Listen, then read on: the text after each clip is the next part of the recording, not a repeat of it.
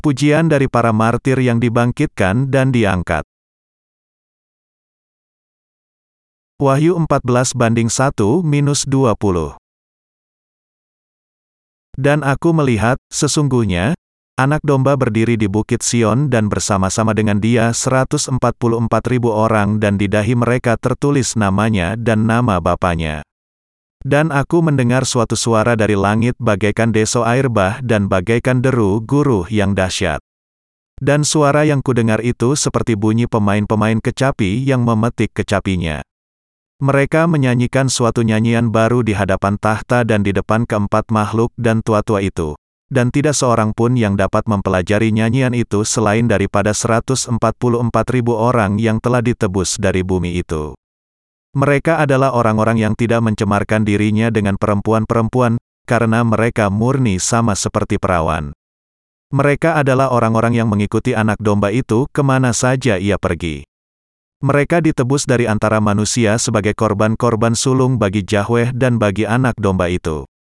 Dan di dalam mulut mereka tidak terdapat dusta, mereka tidak bercela.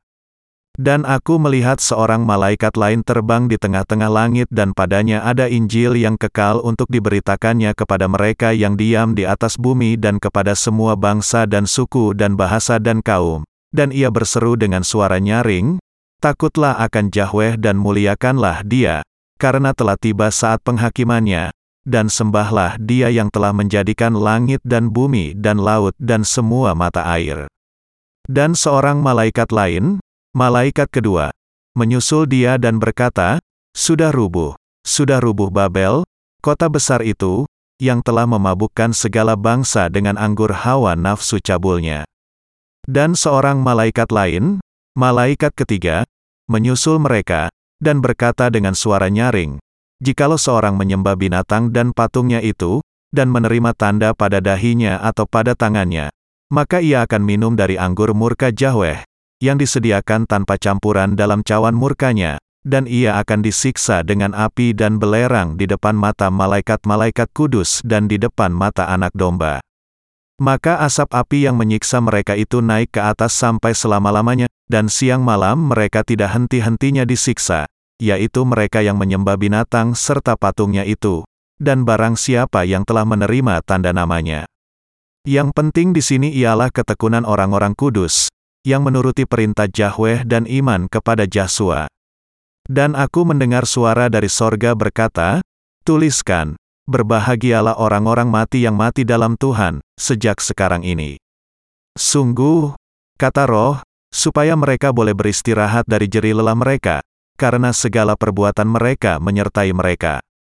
Dan aku melihat, sesungguhnya, ada suatu awan putih, dan di atas awan itu duduk seorang seperti anak manusia dengan sebuah mahkota emas di atas kepalanya dan sebilah sabit tajam di tangannya. Maka keluarlah seorang malaikat lain dari bait suci, dan ia berseru dengan suara nyaring kepada dia yang duduk di atas awan itu, Ayunkanlah sabitmu itu dan tuailah, karena sudah tiba saatnya untuk menuai, sebab tuayan di bumi sudah masak. Dan ia, yang duduk di atas awan itu, mengayunkan sabitnya ke atas bumi, dan bumi pun dituailah. Dan seorang malaikat lain keluar dari bait suci yang di sorga, juga padanya ada sebilah sabit tajam. Dan seorang malaikat lain datang dari mesbah, ia berkuasa atas api dan ia berseru dengan suara nyaring kepada malaikat yang memegang sabit tajam itu. Katanya, ayunkanlah sabitmu yang tajam itu dan potonglah buah-buah pohon anggur di bumi, karena buahnya sudah masak. Lalu malaikat itu mengayunkan sabitnya ke atas bumi, dan memotong buah pohon anggur di bumi dan melemparkannya ke dalam kilangan besar, yaitu murka Yahweh. Dan buah-buah anggur itu dikilang di luar kota dan dari kilangan itu mengalir darah, tingginya sampai ke kekang kuda dan jauhnya 200 mil. Eksegese Ayat 1, Dan aku melihat, sesungguhnya, Anak domba berdiri di bukit Sion dan bersama-sama dengan dia 144 ribu orang dan di dahi mereka tertulis namanya dan nama bapaknya. Ini adalah mengenai orang-orang kudus yang dilahirkan kembali, yang dibangkitkan dan diangkat setelah kemartiran oleh antikristus, memuji Tuhan di surga. Orang-orang kudus yang menjadi martir karena antikristus dan orang-orang kudus yang tidur saat itu sudah ada di surga, memuji Tuhan dengan nyanyian baru. Di dalam ayat 4 kita melihat bahwa 144 ribu orang menyanyikan lagu baru ini. Mungkin Anda berpikir, kemudian, apakah orang-orang yang diangkat jumlahnya hanya 144 ribu orang saja? Tetapi bilangan 14 di sini berarti bahwa segala sesuatu sudah diubahkan, Matius pukul 1.17. Kita harus memahami bahwa setelah kemartiran dan pengangkatan orang-orang kudus, Tuhan akan mengubah dunia yang sekarang ini menjadi dunia yang sama sekali baru. Menggantikan dunia ini, Tuhan kita akan membangun dunia baru di mana di dalamnya ia akan berdiam bersama umatnya. Inilah kehendak dari Sang Pencipta, Orang-orang yang memuji Tuhan di surga adalah orang-orang yang sudah menjadi orang-orang kudus dengan percaya kepada Injil air dan roh yang diberikan Kristus ketika ada di dunia ini. Dengan demikian, di dahi mereka tertulis nama anak domba dan bapa, karena mereka sekarang menjadi miliki Kristus. Ayat 2, Dan aku mendengar suatu suara dari langit bagaikan deso air bah dan bagaikan deru guruh yang dahsyat. Dan suara yang kudengar itu seperti bunyi pemain-pemain kecapi yang memetik kecapinya orang-orang kudus di surga adalah mereka yang menjadi martir untuk mempertahankan keselamatan yang diberikan oleh Tuhan dan iman mereka kepada kenyataan bahwa Tuhan sajalah Yahweh mereka, dan yang kemudian dibangkitkan. Karena tubuh mereka dibangkitkan dan mereka diangkat oleh kuasa Tuhan, mereka memuji dia di dalam surga bagi keselamatan dan berkatnya yang memberikan kepada mereka kedaulatan. Suara pujian yang mereka naikkan adalah seindah bunyi aliran air, dan semegah bunyi guru.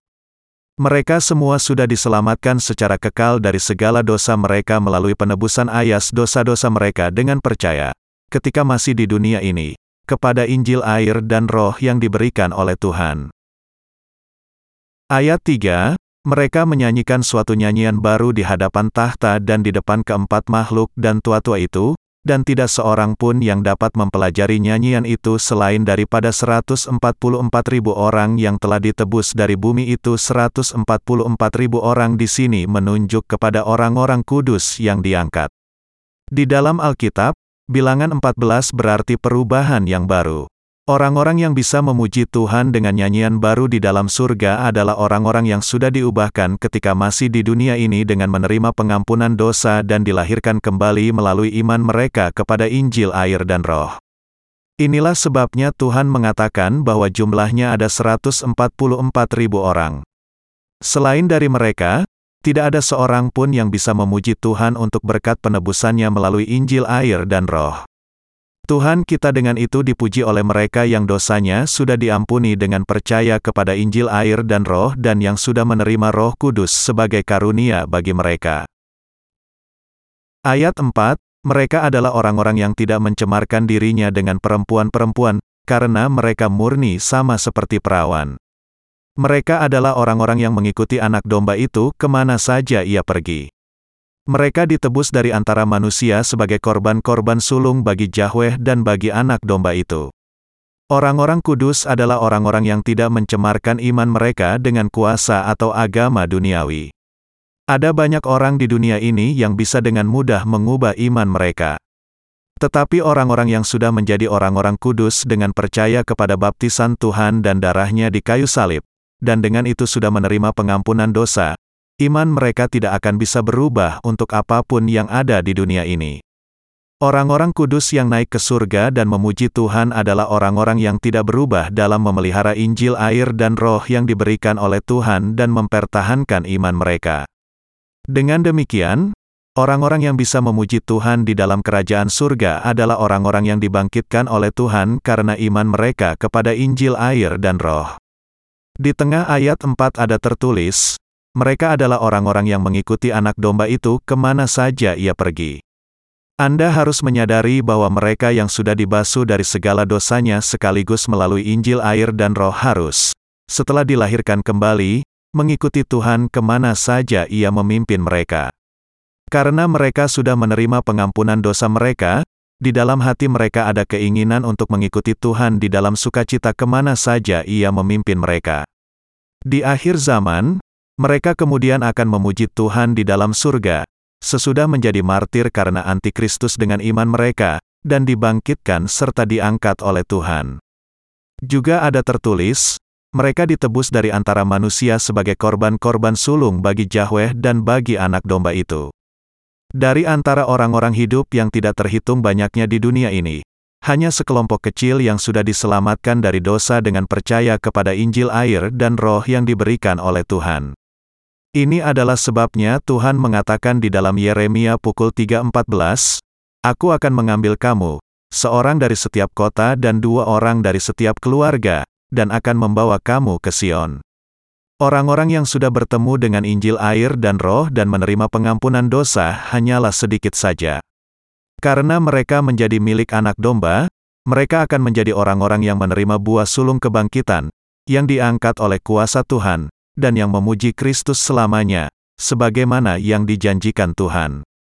Di dunia ini, juga, mereka adalah orang-orang yang mengikuti Tuhan ke mana saja ia memimpin mereka. Semua itu adalah karena anugerah dan kuasa Yahweh. Ayat 5, dan di dalam mulut mereka tidak terdapat dusta. Mereka tidak bercela mereka yang sudah dilahirkan kembali denan percaya kepada air dan roh bisa memberitakan Injil yang benar ini dengan mulut mereka. Sementara ada banyak orang di zaman ini yang memberitakan Injil dengan cara mereka sendiri, adalah benar juga bahwa hanya sedikit saja di antara mereka yang sungguh-sungguh mengabarkan Injil air dan roh. Orang-orang yang memberitakan hanya darah Yesua di kayu salib tidak mengabarkan Injil air dan roh yang diberikan oleh Tuhan. Mengapa? Karena tidak ada Injil lain kecuali Injil air dan roh yang adalah Injil yang benar dari Alkitab. Karena segala dosa di dalam hati orang-orang benar sudah diangkat dengan firman Injil yang benar, mereka bisa memberitakan Injil dengan mulut mereka dengan penuh keyakinan.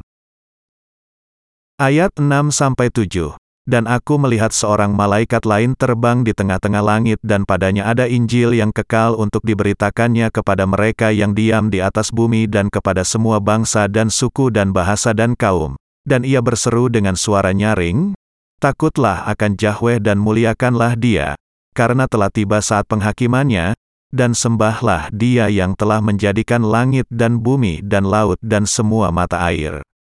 Orang-orang kudus yang dilahirkan kembali harus terus mengabarkan Injil air dan roh di dunia ini. Pekerjaan mengabarkan Injil air dan roh ini, karena itu, harus diteruskan di dunia ini sampai hari pengangkatan orang-orang kudus. Hanya orang-orang yang percaya kepada Injil air dan roh akan menjadi martir oleh antikristus untuk mempertahankan iman mereka, dan mereka saja yang kemudian akan diangkat ke dalam kerajaan surga. Semua manusia haruslah taat kepada Yahweh, percaya kepada Injil air dan roh, dan dengan itu menerima pengampunan dosa serta roh kudus sebagai karunia. Kalau orang-orang Kristen zaman ini tidak bisa percaya kepada Injil air dan roh yang diberikan oleh Tuhan dengan penuh syukur, iman mereka kepada Yesua akan menjadi sia-sia saja. Dia yang bisa menciptakan alam semesta dan segala sesuatu di dalamnya tidak lain adalah Yesus Kristus. Karena itu, manusia harus mengakui Yesus Kristus sebagai Yahweh mereka yang menciptakan mereka dan memberikan kepada mereka keselamatan mereka dengan pengampunan dosa darinya, dan dengan itu menyembah dia dengan benar, karena dengan tangannya segala sesuatu diciptakan dan disempurnakan.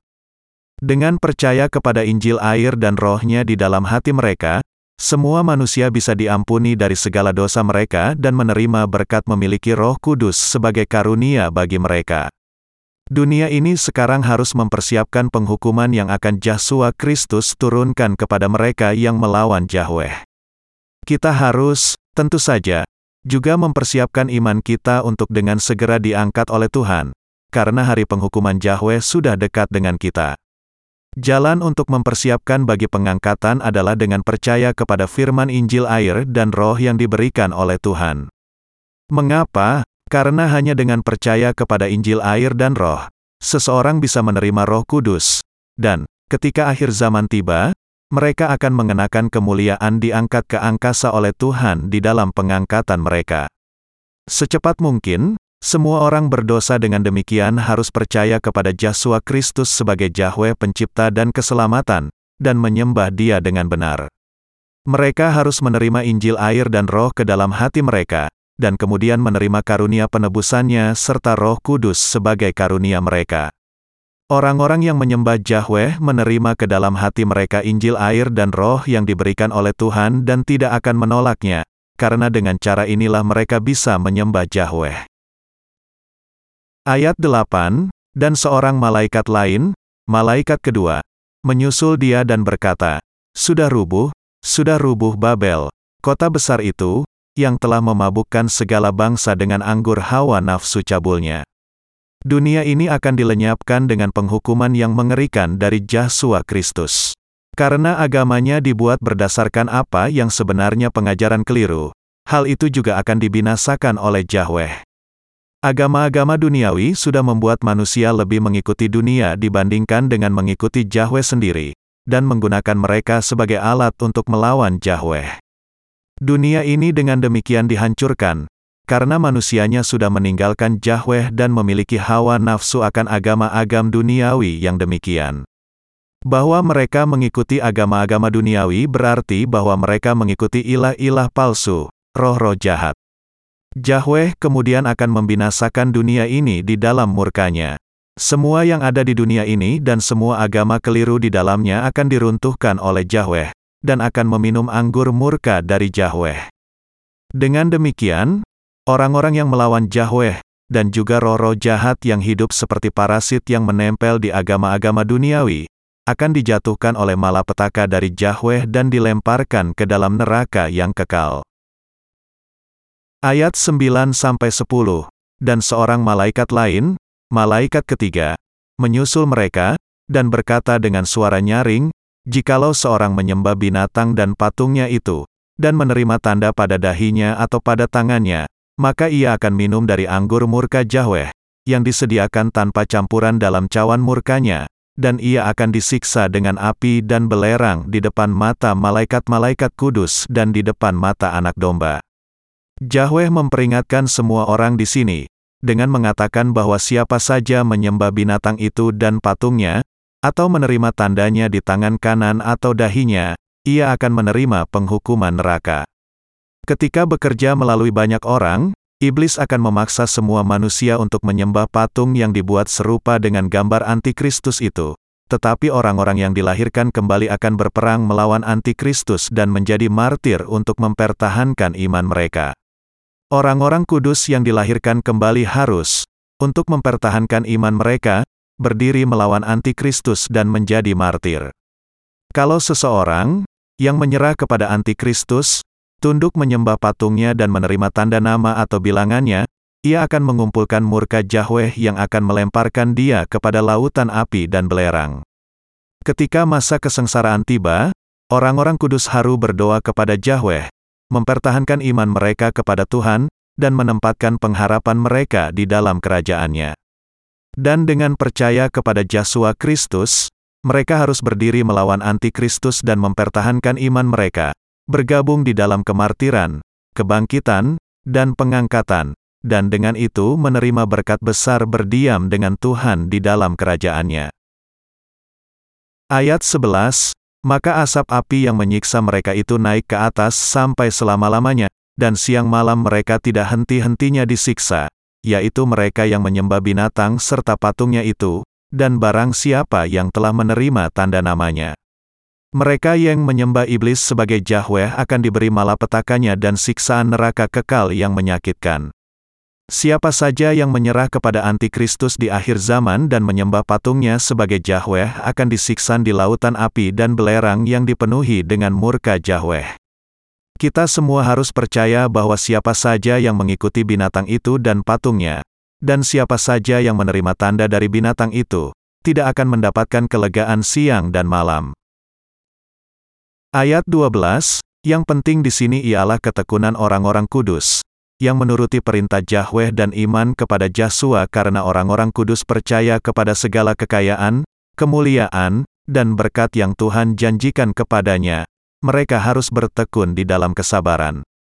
Mereka harus bertekun sepanjang masa kesengsaraan besar, juga.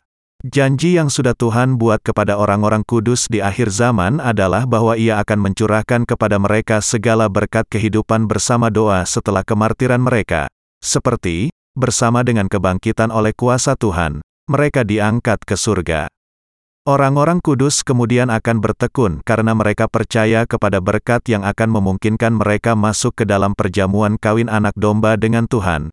Ini, memerintah bersama dia selama seribu tahun lamanya, dan selalu hidup dengan dia di dalam kerajaan surga. Ketika masa akhir zaman tiba, orang-orang kudus kemudian perlu untuk menjadi martir untuk mempertahankan iman mereka. Mereka harus bertekun sepanjang semua masa kesengsaraan ini dengan penuh ketekunan. Orang-orang kudus yang sekarang hidup di zaman ini, ketika antikristus menuntut mereka untuk mengkhianati iman mereka dengan ancaman, tekanan dan bujukan, tetap saja akan menyambut kemartiran mereka, percaya kepada janji-janji Tuhan. Mengapa? Karena segera sesudahnya, semua berkat dari Tuhan kita akan digenapi sebagaimana yang dijanjikannya kepada kita. Semua orang kudus bisa menerima pahala mereka hanya dengan memelihara iman mereka di dalam firman Yahweh dan di dalam Tuhan. Karena itu, tetapkanlah iman Anda kepada firman Tuhan. Yahweh kemudian akan menyambut orang-orang kudus yang dengan itu sudah mempertahankan iman mereka kepada firman-Nya dan di dalam Yesus Kristus di dalam suatu dunia yang sepenuhnya baru. Ada banyak sekali alasan mengapa orang-orang kudus yang melayani Injil Tuhan harus bertekun melalui segala kesulitan zaman kesengsaraan itu dengan kesabaran. Untuk masa depan yang lebih baik, sangat penting untuk menahan penderitaan zaman sekarang ini di dalam kesabaran. Roma 5 banding 3 minus 4 mengatakan kepada kita, dan bukan hanya itu saja. Kita malah bermegah juga dalam kesengsaraan kita, karena kita tahu, bahwa kesengsaraan itu menimbulkan ketekunan, dan ketekunan menimbulkan tahan uji dan tahan uji menimbulkan pengharapan. Orang-orang kudus yang bisa bertekun sepanjang masa kesengsaraan besar dengan percaya kepada Tuhan akan menghidupi kehidupan yang keberkatan, menerima kebangkitan dan pengangkatan dari dia dan memerintah di dalam kerajaannya. Dengan demikian, kita semua harus bertekun melalui kesengsaraan itu dengan iman kita. Dengan memelihara iman mereka di dalam Tuhan, orang-orang kudus bisa sungguh-sungguh bertekun melalui masa kesengsaraan besar pada masa akhir zaman. Orang-orang kudus percaya kepada segala sesuatu yang akan Tuhan genapi bagi mereka baik di dunia ini maupun di surga. Ayat 13, Dan aku mendengar suara dari sorga berkata, Tuliskan, Berbahagialah orang-orang mati yang mati dalam Tuhan, sejak sekarang ini.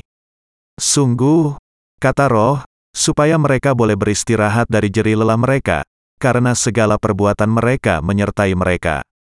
Ayat itu mengatakan, Berbahagialah orang-orang mati yang mati dalam Tuhan, sejak sekarang ini.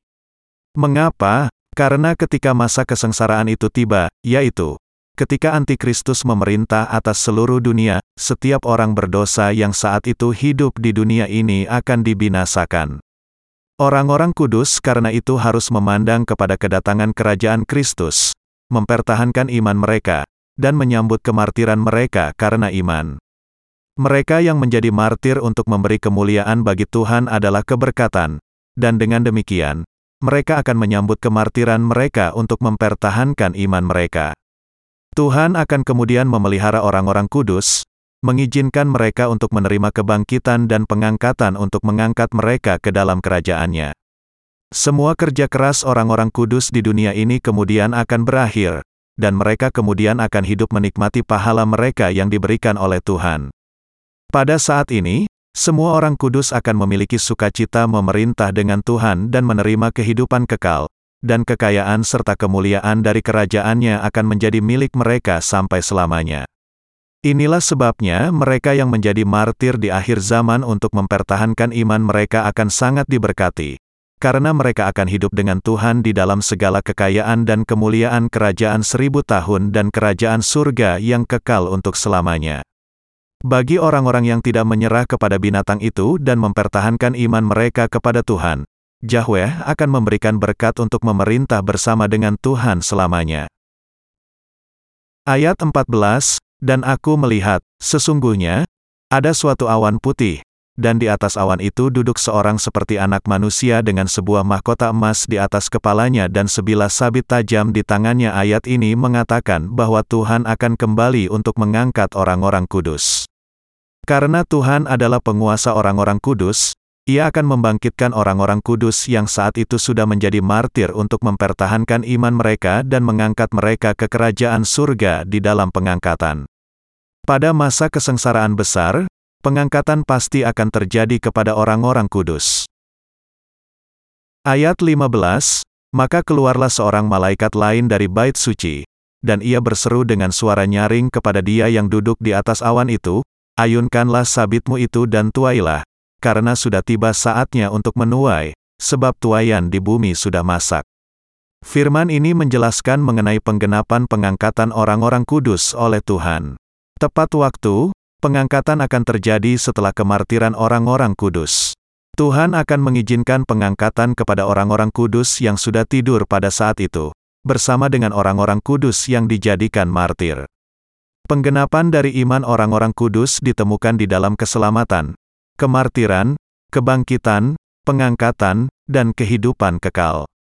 Waktu pengangkatan orang-orang kudus adalah setelah kemartiran mereka dengan penganiayaan dari antikristus, dan langsung terjadi sesudah kebangkitan mereka. Ayat 16, Dan ia, yang duduk di atas awan itu, mengayunkan sabitnya ke atas bumi, dan bumi pun dituailah ayat ini. Juga, menunjuk kepada pengangkatan orang-orang kudus. Pengangkatan berarti diangkatnya orang-orang kudus ke angkasa. Apakah kemudian ini berarti bahwa orang-orang kudus akan diangkat ke angkasa, dan langsung turun ke dunia bersama dengan Tuhan? Tentu saja tidak. Setelah orang-orang kudus diangkat, Tuhan kita akan membinasakan lautan, dan semua di dalamnya dengan mencurahkan malapetaka ketujuh cawan, dan setelah membinasakan dunia, ia akan turun ke dunia bersama-sama dengan orang-orang kudus yang sudah diangkat. Kemudian, Tuhan dan orang-orang kudusnya akan memerintah di dunia ini selama seribu tahun, dan ketika perjamuan kawin anak domba berakhir, mereka akan naik ke kerajaan surga yang kekal. Ketika orang-orang kudus bergabung dengan Tuhan di dalam perjamuan kawin anak domba, Tuhan sudah siap memperbaharui seluruh dunia dengan segala isinya. Setelah pengangkatan mereka, orang-orang kudus akan berdiam di angkasa dengan Tuhan untuk sementara waktu, dan ketika malapetaka ketujuh cawan berakhir, mereka semua akan turun untuk memerintah dengan dia selama seribu tahun. Mereka akan masuk ke dalam kerajaan Yahweh dengan Tuhan, dan hidup dengan dia selamanya. Ayat 17, Dan seorang malaikat lain keluar dari bait suci yang di sorga. Juga padanya ada sebilah sabit tajam malaikat yang muncul di sini adalah malaikat penghakiman. Malaikat ini akan menurunkan malapetaka yang besar kepada manusia di dunia ini yang melawan Yahweh, dan melemparkan mereka ke dalam api yang kekal. Tugasnya adalah untuk membuang dan mengikat, bersama dengan antikristus dan hamba-hambanya, semua orang-orang berdosa di dunia yang tidak dilahirkan kembali ke dalam lubang yang tidak berdasar.